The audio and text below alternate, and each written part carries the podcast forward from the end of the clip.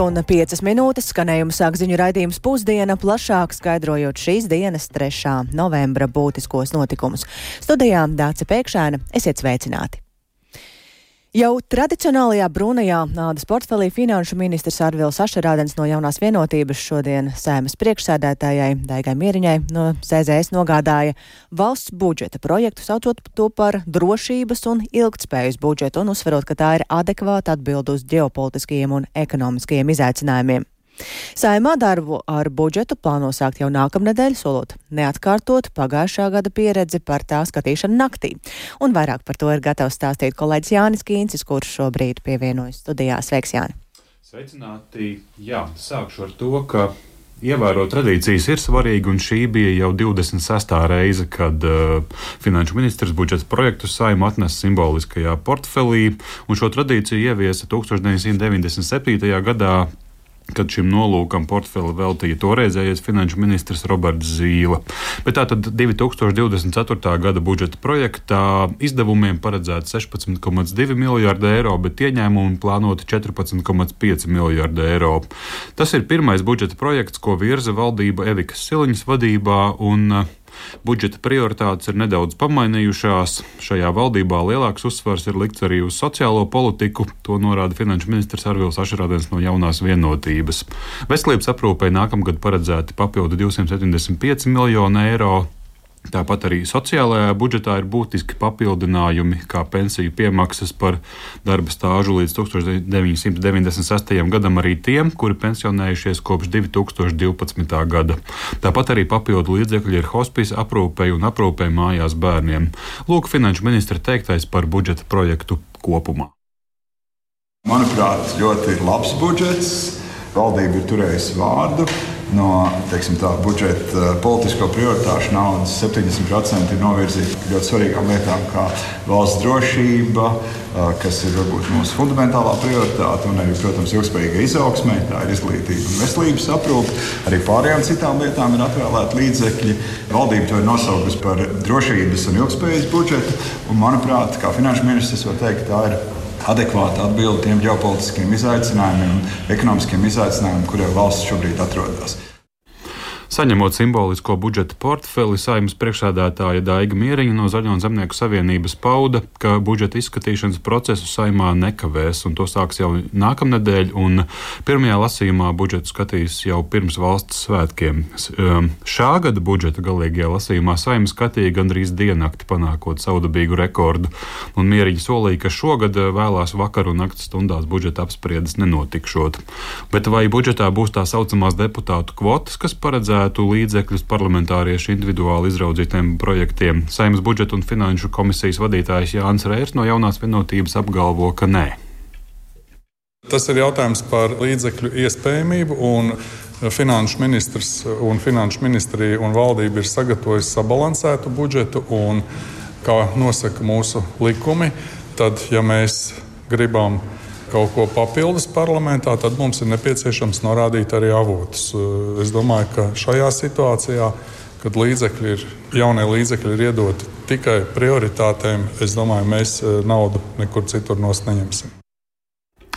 Budžeta veidotāji atzīst, ka šis projekts ir tapis augstas nenoteiktības apstākļos. Savukārt, runājot par nākamo gadu, pašlaik prognozes nākamajam gadam sola inflācijas stabilizēšanos ap 2,9% un gada otrajā pusē ekonomikas izaugsme lēsta ap 2,5%. Tas, kā piebilda finanšu ministrs, ir optimistiskais scenārijs, taču dati tiešām vēl var mainīties.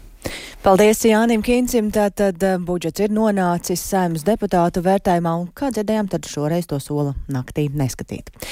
Bet vai dziesmu un deju svētki arī būs turpmāk, vai šīs tradīcijas nākotne ir apdraudēta? Pēc asajām diskusijām svētku izvērtēšanas konferences atklāšanā, kurām diriģenti prasīja skaidru atbildi ministrei algu jautājumā, kultūras ministrijā šodien diskusijas turpinās īpašā darba grupā, kurā runā par amatieru kolektīvu algām. Un kādu iznākumu no šīm sarunām sagaida kolektīvu vadītāju, to ir interesējusies Agnija Lazdiņa, un viņa šobrīd līdzās studijā.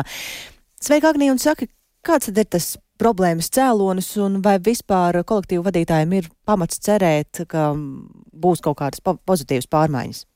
Uh, labdien! Jā, tad oktobra beigās Latvijas diriģentu asociācija publicēja atklātu vēstuli, ko adresēja valdībai, norādot, ka par dziesmu svētku fenomenu kā nacionālu svarīgu lomu rakstīts vairākos dokumentos, taču tā realitāte esot ļoti skarba. Un līdz ar to vēstulē asociācija aicina nākamā gada budžeta prioritātēs iekļaut dziesmu svētku ikdienas procesam nepieciešamo finansējumu, jo, ja to neiekļaus, nākamie dziesmu un deju svētki būšot apdraudēti.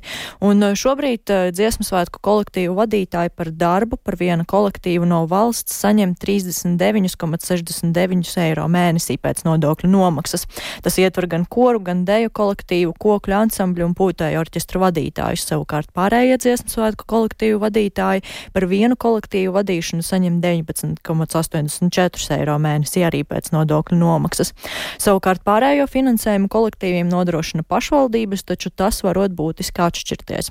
Savukārt dziemas dziesmu svētku rīkošanai kopumā valsts mērķa dotācijās jau no 2015. gada nemainīgi ir apmēram 1 miljons eiro.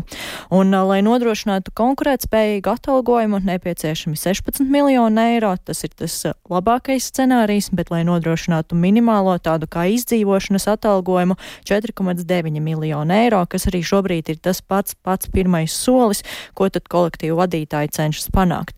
Un pirms darba grupas sazinājos ar virsdiriģentu Intu Tatarovski, kas atzina, ka viņa prāt šī darba grupa pavasarī vai vasarā savu darbu jau bija beigusi, jo priekšlikumi tika izstrādāti, kas arī tolaik tika nodoti ministrijai.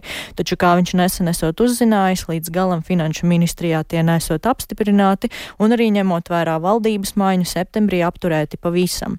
Un eh, Tetarovskis sarunā arī uzsvēra, ka esošā sistēma jau strādājot labi, vien tas līdzfinansējums no valsts šobrīd ir neadva, neadveka, nepiemērots.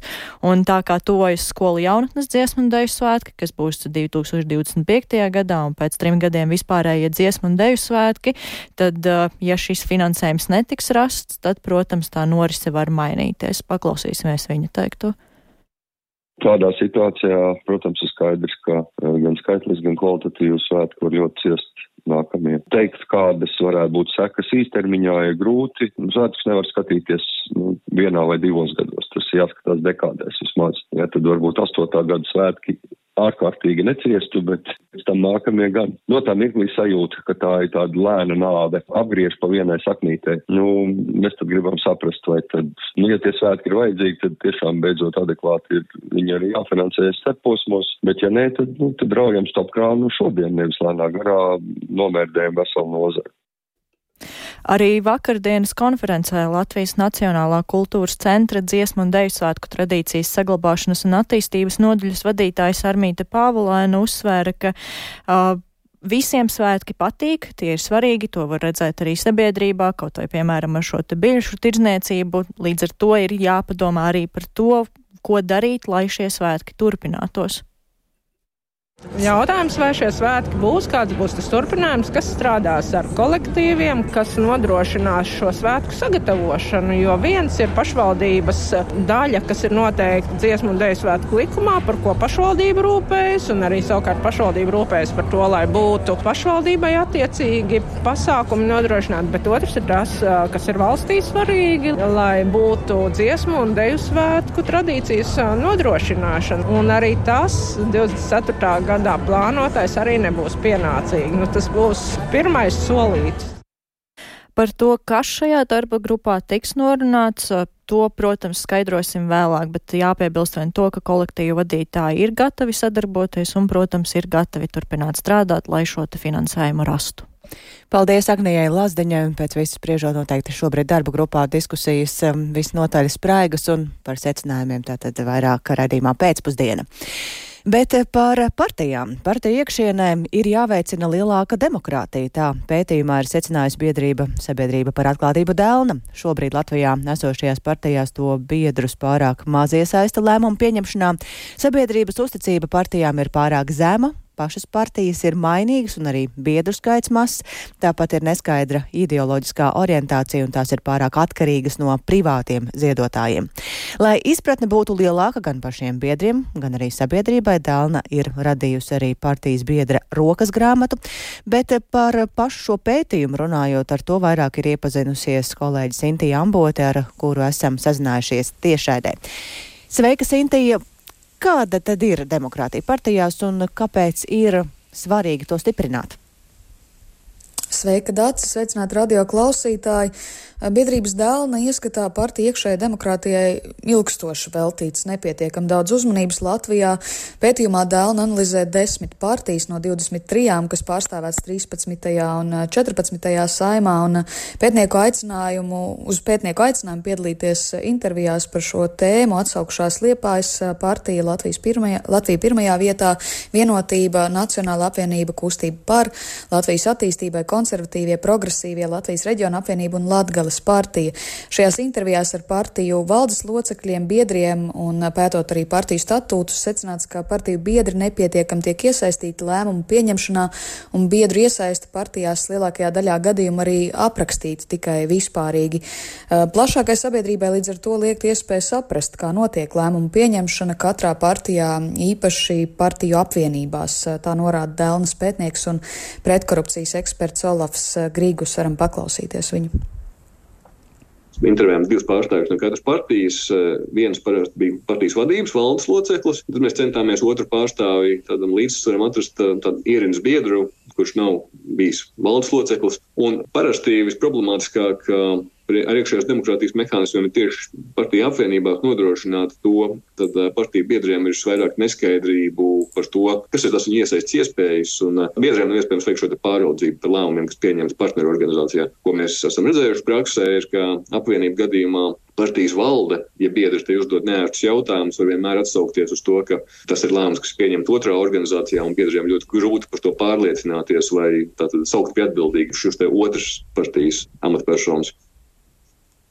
Dēlna vēl izceļ faktu, ka lielākajā Latvijas partijā ir tikai ap 2000 biedru, kamēr Igaunijas lielākajā partijā ir vairāk par 13 tūkstošiem biedru, bet Lietuvā vairāk nekā 14 tūkstoši. Tātad iedzīvotāju iesaistas līmenis eh, kopumā partijās ir zems, līdz ar to palielinās riski, ka lēmumu pieņemšanā iesaistās maz cilvēku un liela daļa sabiedrības netiek pienācīgi pārstāvēta. Eh, pētījuma prezentācijā līdzi seko arī partiju pārstāvi, kas pēc tam šo zemo biedru skaitu skaidroja ar to, ka daudz cilvēku, kas varētu iesaistīties, iesaistīties partijās, to nedara, jo nevēlas, lai jebkuru šī cilvēka darbu, piemēram, kādā nevalstiskā organizācijā saista tikai ar partijas interesēm. Proti, kļūstot par eh, biedru, savu profesionālo darbu vai viedokli nav iespējams norobežot no piedarības partijai. Savukārt Domnīcas Providus eh, vadošā pētniece Līga Stafecka, kas arī 2009. gadā veica pētījumu par partiju iekšējo demokrātiju, tolaik pirms eh, pašvaldību vēlēšanām Rīgā un Jurmalā, viņa šodien izcēla, ka partijas saņem arī nozīmīgu valsts finansējumu finansējumu. Šogad ir 5,8 miljoni eiro, kas būtu cits starpā jāizmanto arī jaunu cilvēku piesaistēji partijās un šīs iekšējās demokrātijas veicināšanā. Varam paklausīties viņas teikto. Man liekas, ka mums ir par maz diskusijas par to, kas notiek ar valsts finansējumu politiskajām partijām un vai tas ir nesis kādas pozitīvas pārmaiņas gan pašu partiju kā struktūru darbībā, gan arī, teiksim, tās politikas kvalitātes ziņā man ir ļoti kritisks vērtējums. Es pagaidām neredzu, ka būtu Latvijas politikā šīs te valsts finansējuma ietekme parādītos daudz kvalitatīvākos, labāk izdiskutētos, izpētītos uh, priekšlikumos. Es ļoti gribētu, ka šīs te valsts finansējuma ietekmes izvērtējums uh, tiktu veikts tuvākajā laikā, jo citādi tā, man liekas, ir ļoti liela izšķērdība Līdz ar pētījumu dēlna radījusi arī partijas biedra rokas grāmatu, lai paplašinātu šo izpratni par biedru līdzdalību, tiesībām un arī pienākumiem, un tas kopā ar šo pētījumu par partiju iekšējo demokrātiju ir pieejams šobrīd jau dēlnas mājaslapā. Dace? Paldies Sintējai Ambotai par ieskatu šajā pētījumā. Mēs turpinām šobrīd ar vēl kādu tematu. Šonadēļ noslēdzas vērienīgie būvdarbi Rīgas centrā ģenerāļa Radziņa krasmalā, kas ir saistīti ar Rail Baltica izbūvi. Ir uzlabota infrastruktūra, lai ērtāk būtu pārvietoties gan gājējiem, gan velobraucējiem, gan arī sabiedriskajam transportam. Un paveikto šodien vērtēja arī Rīgas domas pārstāvi, un krasmalā šobrīd ir mūsu korespondente Paula Dēvica, ar kuru esam sazinājušies tiešraidē. Sveika, Paula! Saka, kā tur šobrīd izskatās un jā, izstāst vairāk, kas tad ir izbūvēts ģenerāļa Radzeņa krasmalā. Jā, sveika, Dārsa. Labdien, arī klausītāji. Tātad, jā, šobrīd at, atrodos ģenerāļā Radziņa krastmalā, kur izskatās jau būvdarbi. Uh, visi te jau pabeigti un uh, izskatās, jā, diezgan, diezgan labi. Tātad šonadēļ noslēdz šie pamata būvdarbi šajā krastmalā Rīgas autostas arī centrāla tirgus un centrālās stacijas piegulošajā teritorijā. Un šajos projektos kopš janvāra pārbūvēti trīs krustojumi. Piemēram, viens no tiem ir 13. janvāra ielas un krasta ielas krustojums, kur Piemēram, pārmaiņas skar tramvaja sliedes. Tramvajs, tramvajs turpmāk varēs raitāk šķērsot šo krustojumu. Tur ir arī izbūvēts jaunas, modernas pārmijas, kuras, ziemā, kuras ir apsildāmas un ziemā nesasalst. Tāpat zem sliedēm ir jaunas komunikācijas. Tāpat šis te, šis te rajons ticis pie platākiem gājēju ceļiem un izbūvēt arī plata divvirzienu velojosla. Un principā ir tātad veikta radziņa krastmals pilna rekonstrukcija. Ir arī šis te spirālveida gājēju un velo tilta pievads, kas pievedīs pie jaunā dzelzceļa tilta pāri Daugavai un tā būvniecība uzsāks jau gada beigās, uzreiz pēc tam, kad šī te, uh, radziņa krastmala tiks nodota eksploatācijā, un tas ir jāizdara līdz šī mēneša beigām. Tāpat ir pārbūvēti arī divi tilti pār pilsētas kanālu, un arī, pie, lai pie nodrošinātu pieeja kanāla malā izbūvēts kāpnes, pandus un piestātne. Un, būtisks pārmaiņas piedzīvojas arī Gogoļa ielas gājēju tunelis, kas šobrīd ir pārbūvēts par velosipēdu novietni. Piebildīšu, ka projekts ir tātad aizņēmis vairāk laika nekā sākotnēji plānots. Visiem veicamajiem darbiem esot bijis paredzēts pārāk īsts termiņš, un uh, turklāt uh, nākuši papildus arī neplānoti darbi, Un, uh, līdz ar to ir pieprasīts pagarinājums, un šobrīd projekts ir pabeigts. Un, uh, sākotnējais projekta izmaksas tika lēstas uh, 28 miljonu apmērā, taču beigās ir izdevies iekļaut 26 miljonus, miljonus eiro. Tātad uh, iztērēts ir nedaudz mazāk. Tās uz kā rēķina tas um, ir kaut kas mazāk izdarīts, uh, kā, uz kā rēķina ir izdevies ietaupīt? Uh, šobrīd jā, nevarēšu. Jā, droši vien mēs par to vairāk arī Paldies. izstāstīsim. Um, Šobrīd tātad līdz mēneša beigām paredzēts nodot eksploatācijā, un tad arī visiem būs pieejami jaunie, jaunie um, uzlabojumi šajā teritorijā. Bet no otra, mēs no Rīgas dodamies uz otru lielāko um, pilsētu, uz Daugopili, kur um, sporta skolā notiek kārtējās valsts valodas centra pārbaudes, pēc kurām vairāk treneri ir atstādināti, bet trīs paši uzrakstījuši atlūgumu. Ar to nav mierā bērnu vecāki, un savu neapmierinātību pauž arī četru bērnu mamma Tatiana Tukan. Treneri runā gan latviešu valodā, gan krievu valodā. Tas ir atkarīgs vairāk no bērniem, kāda valoda runā bērns. Varbūt tas bija kaut kāds uztraukums. Es pat nemāku pateikt, kāpēc. Es pati gandrīz vienmēr esmu treniņa laikā un es dzirdu, ka treneri runā ar bērniem latviešu valodā. Jo mani bērni arī runā latviešu valoda ģimenē un ar viņiem sazinājās treneri vienmēr latviešu valoda. Pat, ja kaut kāds treneris runā kaut kādu citu bērnu krievu valodu, manam bērnam vienmēr ir iespēja pārjautāt to latviešu valodu. Nu, nav nekāda problēma, nekad nav bijis. Tātad vecāku galvenais satraukuma iemesls ir tas, vai būs un vai vispār būs kas trenē bērnus un plašāk šo situāciju Daugavpils sko sporta skolā skaidrosim raidījumā pēcpusdiena. Bet eh, tagad gan par notikumiem citviet pasaulē pamatīgus postījumus aiz sevis ir atstājusi vētra Kīrans, kas plosījās vairākās rietuma Eiropas valstīs. Stihijā vismaz septiņi cilvēki, diemžēl, ir zaudējuši dzīvību, bet eh, nodarītie materiālie zaudējumi ir lēšami simtos miljonos eiro. Un vairāk par vētras sakām ir gatavs pastāstīt kolēģis Uldis Čēsberis. Viņš šobrīd ir ieradies līdzās man studijā.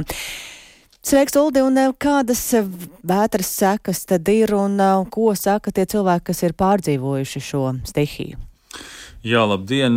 Kīrans naktī uz ceturtdienu sasniedza Francijas ziemeļrietumus un arī Lielbritānijas dienvidrietumus, bet vakar vētra sasniedz arī Nīderlandi, Beļģiju, Vāciju un pat Spāniju un Itāliju.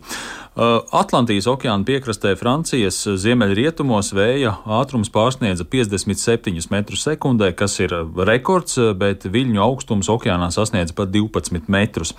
Un vējš bija tik spēcīgs, ka daudz viet ir izgāzti lieli koki ar visām saknēm, un kokiem krītot ir pārrautas elektrolīnijas un arī um, citi sakaru kabeļi. Un aptuveni 1,2 miljoni Francijas maisēmniecību vētras dēļ palika bez elektrības un vēl Vakar vakarā vairāk nekā pusē no tām nebija atjaunota elektrības piegāde. Un uh, vairāk nekā, vēl vairāk nekā miljons lietotāju palika arī bez uh, mobilajiem sakariem. Un stihijas dēļ nācās uh, atcelt daudzus lidmašīnu, vilcienu un arī prāmju reisus. Francijas ziemeļos kāds kravas automašīnas šoferis gāja bojā, kad viņa vadītajam transporta līdzeklim uzkrita vētras nolausts koks, bet ostas pilsētā Havrā vīrietis vētras laikā nokrita no balkona un, diemžēl, zaudēja dzīvību. Savukārt Lielbritānijas ārkārtas dienesti informēja, ka vētras dēļ visā valstī bez elektrības ir palikuši tūkstošiem mājasēmniecību, bet Anglijas dienvidos nestrādā simtiem skolu. Un Kīrona spēku īpaši sajūta Lamanča šaurumā esošo Džersijas un Gērnsijas salu iedzīvotāji. Vietējie stāstīja, ka vētras laikā no debesīm ir krituši mm, krustas graudi, kuri izmērā ir bijuši lielāki par golfa bumbiņām. Un turpinājumā varam paklausīties, ko tad par stihijas sekām stāsta Džērsijas salas iedzīvotājs Stevens Reis un Gērsijas salas iemītniece Džesa Možē. Winds were reaching up to 104 miles an hour. Vēja ātrums sasniedza 46 metrus sekundē un nodarīja plašus postījumus, pārsvarā salas dienvidos. Daudzi iedzīvotāji naktī evakuējās. Viņiem palīdzību sniedza arī ārkārtas dienesti, kas bija labi sagatavojušies. Tagad vējš pamazām pierimst. Man paveicās, ir norauti tikai daži žoga dēļi. Diemžēl citiem iedzīvotājiem tā neveicās.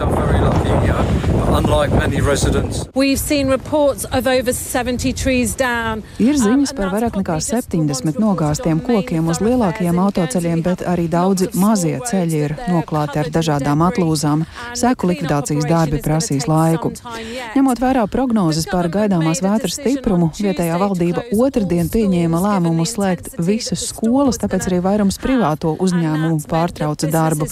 Var teikt, ka Guernsijā ir spēkā mājasēde. Pretty much we're in lockdown here in Guernsey.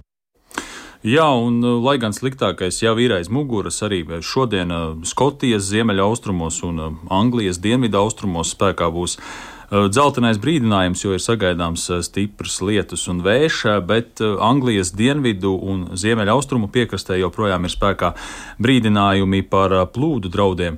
Vētra ir nodarījusi arī pamatīgus postījumus jau minētajās Nīderlandē, Beļģijā, arī Vācijā, piemēram, Beļģijā, kādā pilsētā šķiet piecus gadus vecs ukraiņu puika ar, savu veco māti ir gājuši bojā, jo viņiem uzgāzās koks. Arī Nīderlandē Hipskolas lidostā, kas ir viena no lielākajām lidostām Eiropā, tur vakar tika atcelti vairāk nekā 200 reisi, un vietējie meteorologi stāsta, klimata pētnieki stāsta, ka jā, ka šoreiz vētra ir bijusi agri, agrā rudenī, līdz ar to pēc siltā rudens eh, kokos vēl ir daudz lapu un eh, pēc šī lietus eh, ceļi esot gandrīz kā viņi salīdzināja ar sūkli un līdz ar to ļoti slideni. Un, ja vētra būtu notikusi, piemēram, no novembra beigās, kad visas lapas ir nokritušas, tad situācija arī būtu vienkāršāka. Tā kā nu, kārtējo reizi silts rudens un šie te mm. apstākļi ir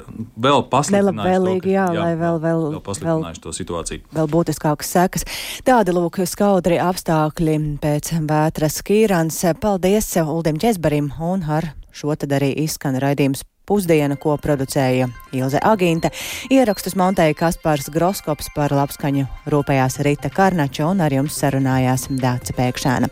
Vēl par šodien būtisko brūnais ādas portfels ar valsts budžeta dokumentiem ir mērojis savu tradicionālo ceļu no finanšu ministrijas uz saimnes sēku un saimā pie tā sola ķerties jau nākamajā nedēļā un šoreiz neskatīšot budžetu naktī. Vētra Kīrens ir nodarījis pamatīgus postījumus Rietuma Eiropā un pašmājās partija iekšienē esot jāveicina lielāka demokrātija. Tā pētījumā ir secinājusi biedrība sabiedrība par atklātību dēlna. Redījums pusdienam, kā ierasts, ir klausāms arī sevērtā laikā Latvijas radio mobilajā lietotnē, meklējot dienas ziņas, un Latvijas radio ziņām var sekot līdzi arī sabiedrisko mediju ziņu portālā LSMLV un var arī meklēt mūsu sociālajos tīklos. Yeah.